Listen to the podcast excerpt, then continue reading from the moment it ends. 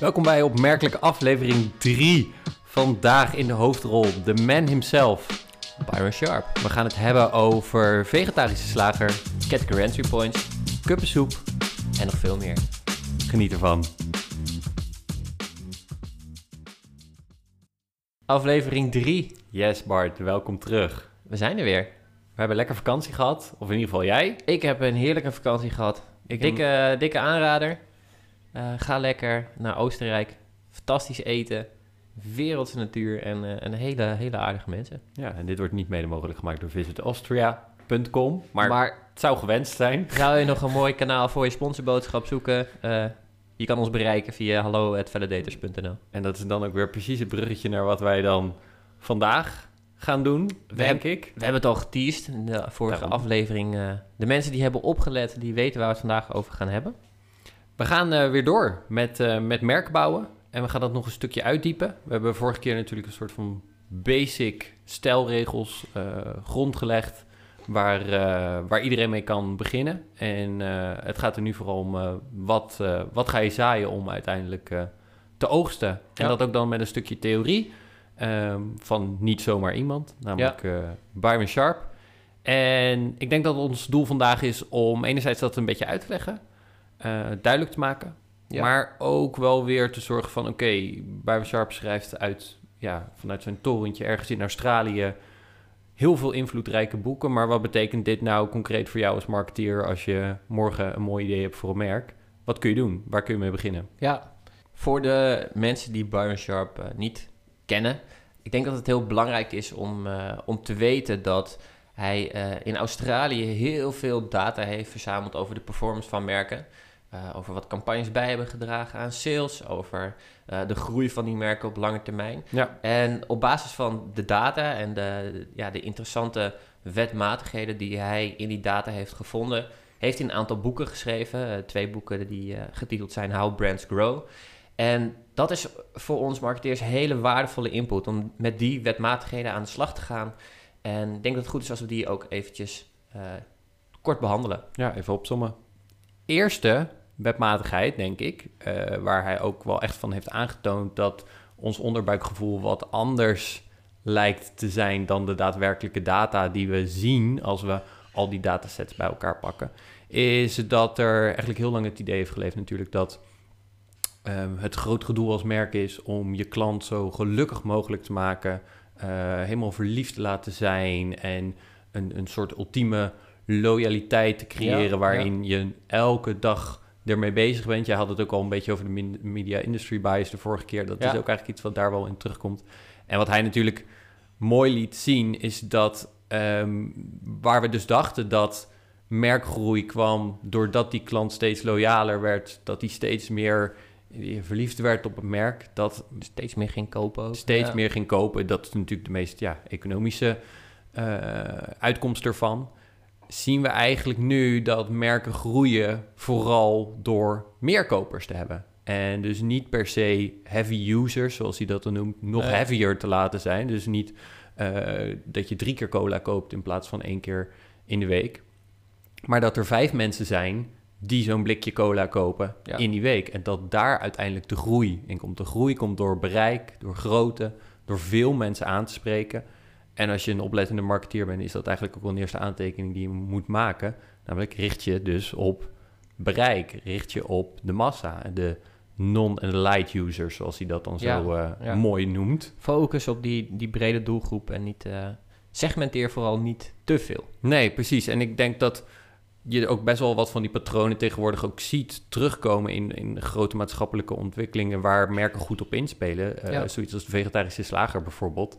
Mooi. Ehm, ja, die- zeker. de- de- er zijn hier een aantal bij ons bij Validators, een aantal mensen die, eh, die, die veel vega eten. ja, Ehm, de vegetarische slager gaat niet groeien doordat zij meer Brie-burgers per week kopen. Maar juist doordat jij en ik, en wij doen het soms ook al, zeker. doordat wij ook als heel validators één keer in de week extra vegetarische producten eh, van de vegetarische slager kopen. Ja. Daar zit die groei in. En niet zozeer dus eh, de, doordat eh, onze collega's eh, alleen maar de vegetarische slager pakken elke keer. Ja, ik denk dat vegetarische slager een heel mooi voorbeeld is van hoe je eh, buiten ja, eigenlijk je bestaande klantenbase moet gaan kijken om ja, te gaan groeien als merk. En een, een, een volgende, misschien een mooie link. Vegetarische slager ligt natuurlijk in de supermarkt. Uh, wij consumenten, en ik heb het al een keertje eerder gezegd in deze podcastreeks.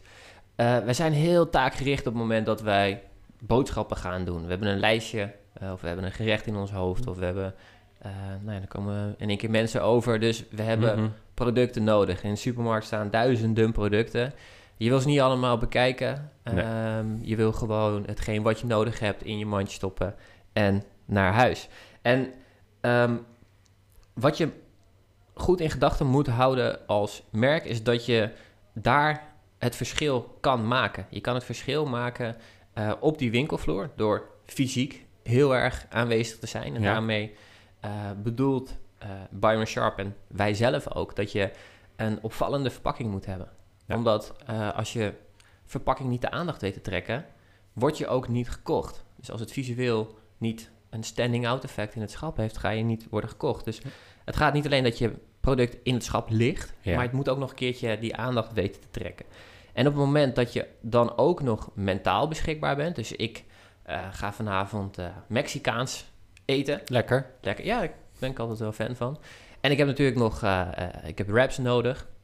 Ehm, dan denk ik altijd eigenlijk direct Mexicaans, wraps, aan No Fairy Tales. Want dat is ook nog een keertje um, gezond. We worden gemaakt ja. van, van groenten.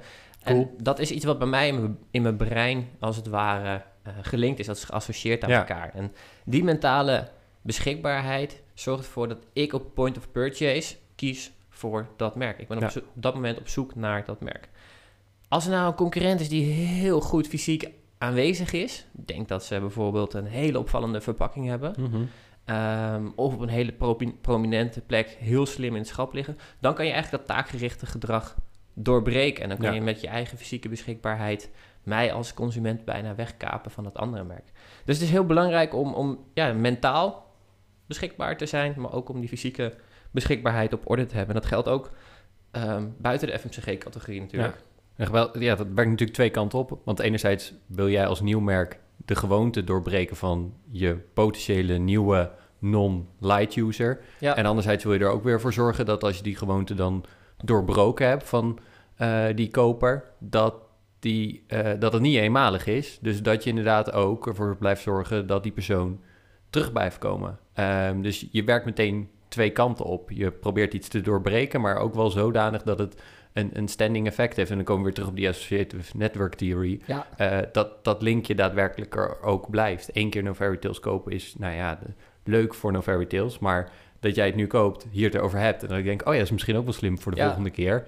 Uh, dat, dat, dan ben je weer aan het merk bouwen als, als No Fairy ja, Tales. je versterkt het netwerk, je versterkt associaties... en daarmee kan je als merk stappen vooruit gaan maken. Ja. Misschien goed om nog één ding uit te lichten uit het boek van Byron Sharp. Mm -hmm. uh, en ik denk dat het jouw favoriete wetmatigheid is. Nee, ja, ja ik heb Alleen al vanwege de naam natuurlijk. Double Jeopardy Law. Mooi. Ik heb geoefend thuis. Voor de spiegel. Jazeker, het ging best goed, je hoort het. Ja. weet, je, weet je dat ik die, uh, die op me pak deze keer? Zeker. Oké. Okay. Um, de Double Jeopardy Law is wat mij betreft enerzijds heel cool als je zeg maar aan de goede kant van het spectrum zit. Ja. En anderzijds best verdrietig als je aan de onderkant van het spectrum zit. Ja, dus het is maar net uh, hoe, je, hoe je erin staat of je heel erg blij bent met deze uh, wetmatigheid of niet. Het komt er eigenlijk op neer dat als jij een groot merk bent, uh, dat je, uh, doordat je dat grotere marktaandeel hebt, dat je meer kopers hebt die ook nog eens een stukje loyaler zijn. Nou, dat ja. klinkt natuurlijk heel goed.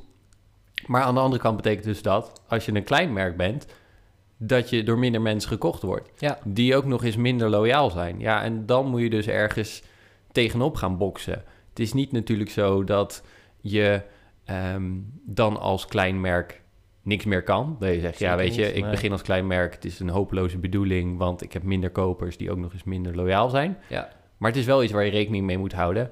En waar je in al je communicatie dus ook voor moet gaan zorgen. Ja. Dat er een bepaalde consistentie in die lijn van communiceren zit. Zodat je, nou ja, eigenlijk aansluitend op het vorige punt, weer die gewoonte kan doorbreken. Ja. Um, en wat mij betreft een goed voorbeeld daarvan is um, Apple. Want eh, als je eenmaal een iPhone koopt, Ja. eh, dan eh, preek je direct voor parochie van Apple dat dat het allerfijnste besturingssysteem ever is. Zeker. Dan schakel je niet meer terug naar Samsung. Eh, dat is toch een beetje ja, alsof je uit een, uit een secte stapt, zeg maar, eh, bijna. Denk Ehm, dat heel veel mensen zich nu ja, heel veel maar- mensen voelen zich aangesproken. Ja, ja, ik heb een Samsung, dus ik moet dit toch ja, even, nee, even, kan jij dat gewoon even onder de aandacht brengen. Maar zonder gekkigheid. ehm, als je iPhone dan een beetje eh, op het einde van, van zijn Latijn is... dan kies jij eh 9 van de 10 keer voor een nieuwe iPhone. Plus, doordat je in die Apple-kring Ja. blijft... Ja. is het natuurlijk ook wel veel makkelijker om zo'n Apple Watch nog eens even aan te schaffen. Ja. Ja. En eh, ja, de- de Nokia zijnde... Ja, daar komt niet eens in je gedachten op. Nee. Ik bedoel, nee, en dan mocht je nog een laptop nodig hebben, dan bieden ze die bij Apple natuurlijk ook. Of d- een- daar hebben ze er ook een paar van. Of, ja. Precies. Nee, dat is zo... En eh, ja, de arme Nokia. Het waren eh, leuke jongens. Ik bedoel, jij en ik hebben goede herinneringen aan dat we Snake eh, konden Zeker spelen weten, op een ja. 3310. Eh, maar ja, dat is wel een beetje vergaande glorie. En als je daar nu opnieuw mee gaat beginnen, dan box je toch wel op tegen wat aardige jongens. En die krijgen dan, nou ja, als Nokia zijn, dan krijg je behoorlijk te maken met een eh, double jeopardy lol. Eh, wat trouwens misschien dus ook wel een mooi voorbeeld is van dat je dus aan beide kanten van het spectrum kan Ja, zitten. zeker. Want twintig jaar geleden had niemand anders, eh, of iedereen het over Nokia. Ja. En kijk waar ze nu zijn. Veel theorie. Veel theorie. Laten En- we ja. de stap naar de praktijk maken, denk ik. Want dat is ook wel wat Byron Sharp in zijn boeken doet. Hij maakt het wel wat pragmatisch. Hij vertelt niet hoe je het moet onderzoeken, maar hij vertelt wel in eh, bijna eh klinkklare taal hoe je ermee aan de slag moet. En ja, dat is dan, eigenlijk zitten we dan nu, zeg maar, hebben we deel 1 een soort van Ja. kort door de bocht afgerond. En nu wordt het alweer een stapje praktischer. Nu zitten we in eh, part 2. En dan wordt het inderdaad, ook als je het zelf leest, dan komt die concretisering erin. Ja. Die laat ik dan aan jou. Ja, wat, die, wat, wat Byron Sharp concreet zegt, en dat hebben we al wat vaker genoemd, is door je eh, merk mentaal beter beschikbaar te maken, in meer koopsituaties eh, relevant te worden, dus op te poppen, eh, gaat je merk uiteindelijk groeien. En ik denk dat we dat heel concreet kunnen maken aan de hand van de zogenaamde category entry points. Eh, veel van jullie zullen daar wel eens van gehoord hebben. Ik hoop ook dat er mensen zijn die luisteren die denken, ja, daar werk ik al mee. Dan ben je wat ons betreft lekker bezig. Twee duimpjes voor eh, jouw marketeer. Wat het eigenlijk is, het is eigenlijk een heel eh, basaal simpel concept, wat al terug te herleiden is naar veel eerder, naar de jaren 80. Maar waar het om gaat, is dat jij als consument in een bepaalde koopsituatie zit. Jij denkt op het moment dat jij een nieuwe auto nodig hebt, denk je niet aan een merk wat je waarschijnlijk helemaal niet kan betalen. Als ik een nieuwe auto nodig heb, ja, ik zou heel graag in een hele mooie gloednieuwe Porsche willen rijden. Maar dan had ik ja, misschien toch een ander beroep moeten kiezen. Maar ik ga merken, aan merken denken waaraan eh situaties, redenen kleven die voor mij belangrijk zijn. Ja. Ik heb bijvoorbeeld een, eh, een kleine gekregen. Eh, Zeker. Een, een, een- nou, een jaar geleden, iets minder dan een jaar geleden. En dan ga je toch nadenken, ik heb een, eh, ik heb een auto nodig. Eh, een auto waarvan eh, ik zeg, ja, hij is ruim, want er moet een kinderwagen mee. Ja. Nou, er kan nog wel eens een ongelukje gebeuren, dus ik wil graag dat het makkelijk schoon te maken is. Ja. En ik wil ook dat de auto veilig is. Ja. Ik moet veilig van A naar B kunnen met die kleine achterin. Ja, en misschien is het dus wel grappig. Ik heb geen kleine. Dus zoiets als veiligheid is voor mij, als ik nu een nieuwe auto zou gaan zoeken, helemaal niet relevant. Nee, want Eh, iedere nieuwe auto is wel veilig. Ja, maar dit is niet de grootste reden. Wij hebben een vrij kleine parkeerplaats. Dus voor mij is het veel belangrijker dat die er überhaupt in past, die Ja. auto.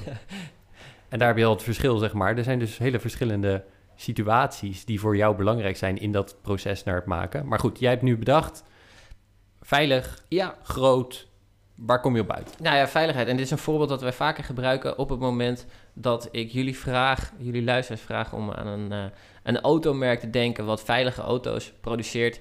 Dan durf ik nu al hardop te zeggen dat jullie allemaal, Niet 1, 2 seconden even geven. ja, dat jullie allemaal aan Volvo denken. En dat komt omdat zij die category entry point, ik wil een veilige auto, Mhm. dat zij dat geclaimd hebben. Ja. En dat hebben ze niet gedaan door één campagne. Dat hebben ze niet gedaan door een campagne een jaar lang te gebruiken. Maar dat hebben ze gedaan door het op te nemen in een missie. Door eigenlijk het hele bedrijf eh, alles door, doordrenken met deze category entry point. Ja. En dat is hoe je in het brein van een consument oppopt op het moment dat iemand in een koopsituatie zit. Ja. En dan denk je nu, ja oké, het is nog steeds wel redelijk theoretisch. Praktisch graag jongens. Wat belangrijk is, is dat je die category entry points gaat definiëren. Ja. En dat definiëren, dat eh, is iets wat je vanuit je interne organisatie gaat doen. Want Mhm. eh, ja, je kent natuurlijk het product wat je verkoopt, je kent je merk. eh, je weet aan wie je het wil verkopen. Je weet ook waar je heen wil gaan als, Ja. als merk. En welke beloftes je wel en niet waar kan maken. ja, maar dat is natuurlijk een, een bubbeltje waar je in zit. Ja, dat is een behoorlijke bubbel. Media industry bias, wat we eerder hebben genoemd, speelt daar natuurlijk een rol in.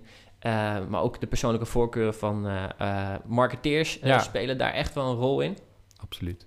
En daarom is het extreem belangrijk om in het samenstellen of het opstellen van die category entry points de consument een, een, een hele prominente rol te geven.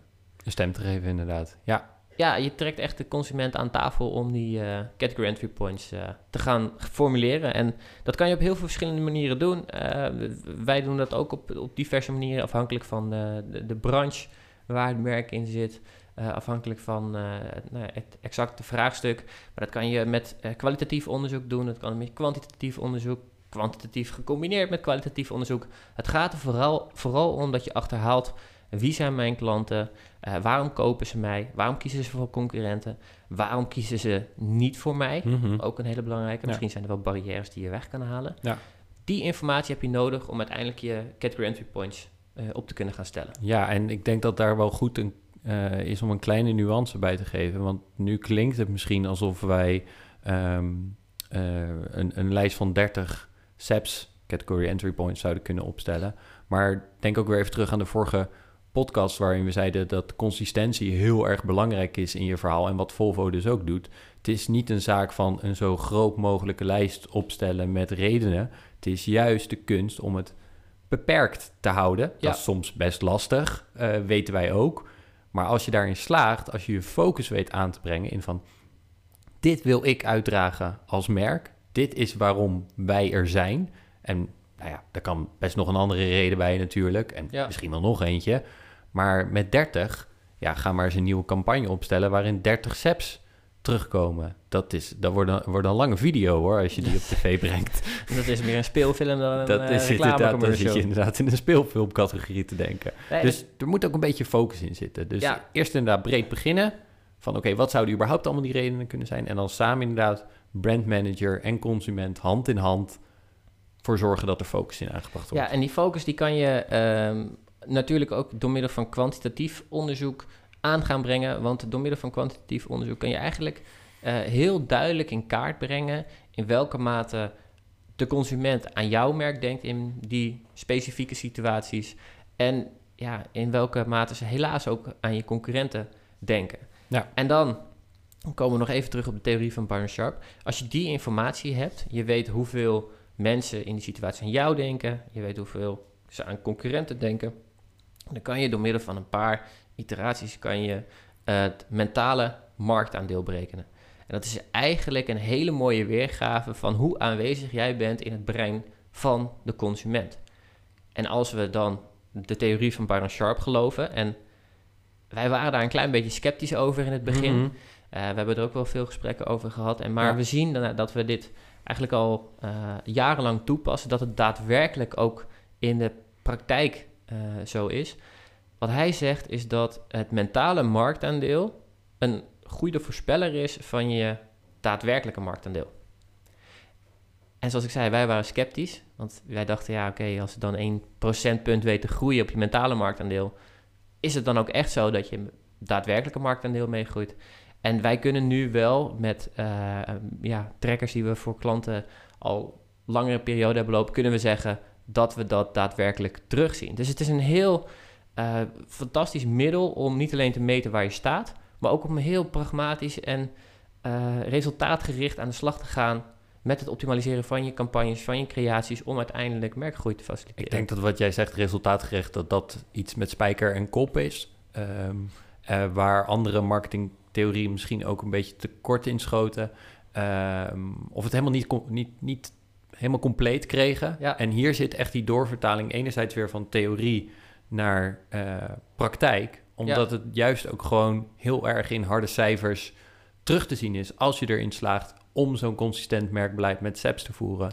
Ehm, en dat maakt het ook gewoon dat het heel erg te begrijpen is in die end. Uiteindelijk gaat het ook gewoon om marktaandeel veroveren. Tuurlijk. En zorgen dat jij als Volvo zijnde eh, meer auto's eh, verkocht krijgt. Dat is vaak wel het doel. Zullen we nog één leuk voorbeeld doen? Eh, Ja. Want ik, ik denk dat het ook belangrijk is om te zeggen dat eh Byron Sharp dit helemaal heel mooie vorm heeft gegeven, maar dat het eigenlijk al veel ouder is. Eh, de Associative Network Theory die we al genoemd hebben, is eigenlijk een parallel aan de Category Entry Point Theory van Byron Sharp. Byron Sharp gaat veel meer in op hoe je het dan daadwerkelijk ook kan meten en implementeren, maar Ja. uiteindelijk is het concept hetzelfde. Ehm, vroeger, Vroeger, ik- vro- Ja. vroeger, vroeger. zo oud ben ik niet, maar ehm, ik, ik weet nog heel goed dat eh, de, de vier uur kuppensoeps eh reclames op tv waren. Ja, Eh, Ruben, Ruben van der der Meer. Ja. zeg het maar. Je bent een eikel. Oh, dankjewel. Ik, ik, ik vond dat fantastisch. En wat Ja. Kuppensoep eigenlijk al een hele tijd geleden gedaan heeft... zij hebben een switch gemaakt, want ze stonden al op het schap.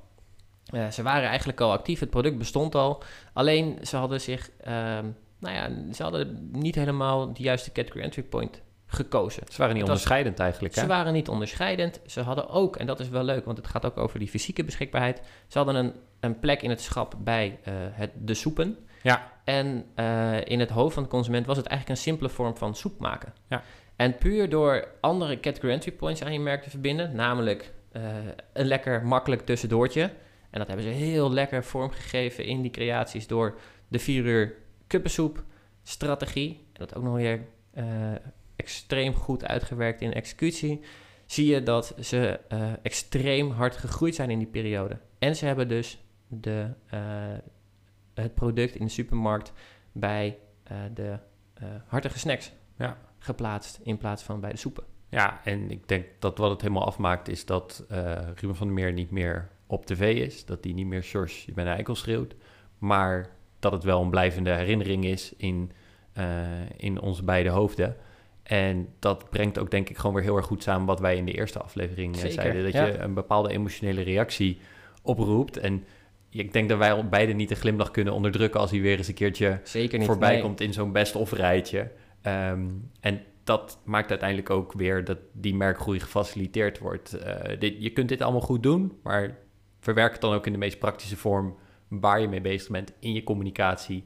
Claim dat moment, laat het zien en maak het emotioneel. Zorg dat het iets oproept. Ja, ja ik, category entry points kunnen een hele mooie brug slaan tussen eh, je creatie, je campagnes die je voert en bovenal natuurlijk ook, eh, ook je merk. Ja, Ehm, misschien goed om nog heel even eh, de korte take-home message. We hebben weer veel Gezonde. gezonde inderdaad.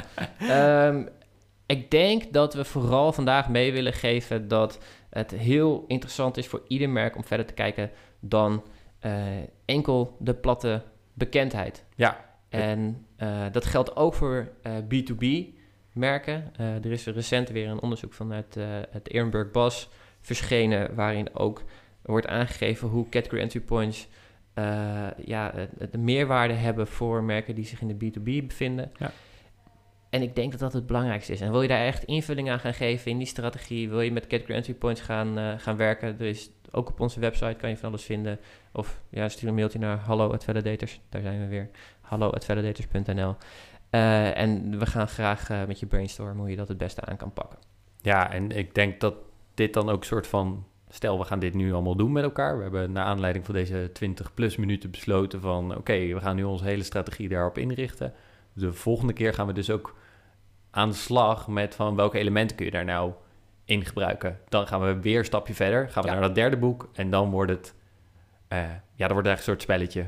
eh, waar we elkaar gaan over horen. Misschien wel hoe, hoe goed we zijn in het herkennen van elementen. Ik heb er nu Eh, wel zin in. Ik heb er ook zin in. Maar waar ik nog meer zin in heb, is eigenlijk om te horen wat jij deze week mij zou willen aanraden.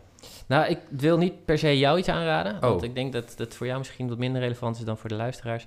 Ik wil eigenlijk een, een, een... Het is een beetje een vervolg op mijn vorige aanrader, namelijk lees Barben Sharp. Ehm, ik ik wil jullie adviseren om concreet daarmee aan de slag te gaan.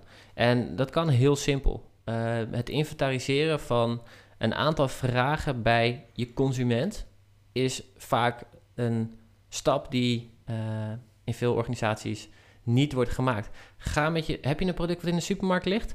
Ga gewoon een dag in de supermarkt staan. Ga kijken hoe consumenten bij dat schap omgaan. Als ze een product pakken uit het schap waar jij ook in ligt, vraag ze dan waarom ze een bepaalde keuze hebben gemaakt.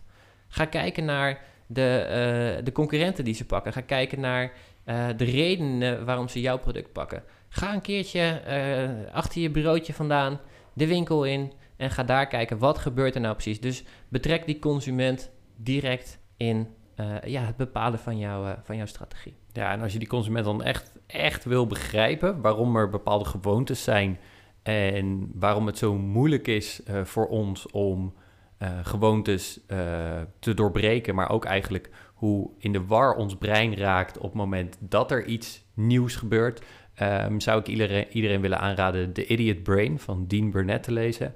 Um, dat is namelijk een cabaretier die ook een PhD heeft in neuroscience.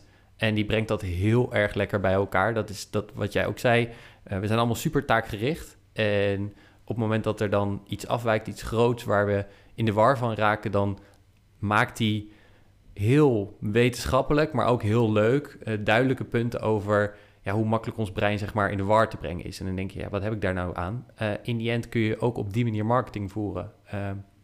Ervoor zorgen dat je op die juiste momenten in één keer weer opvallend onderscheidend ja, bent. Zeker. Ik las dat toen ik totaal nog niet bezig was met marktonderzoek en uh, marketing. Maar ik zag hem laten weer liggen. En toen dacht ik, hey, hier zitten ook componenten in. Als je dit begrijpt, kun je je marketing gewoon verfijnen, optimaliseren. Dus die zou ik uh, willen aanraden. Tof. Ik uh, vind het een mooie combinatie van achtergronden, cabaretier en PhD. Yes. Top, dank jullie wel voor het luisteren weer.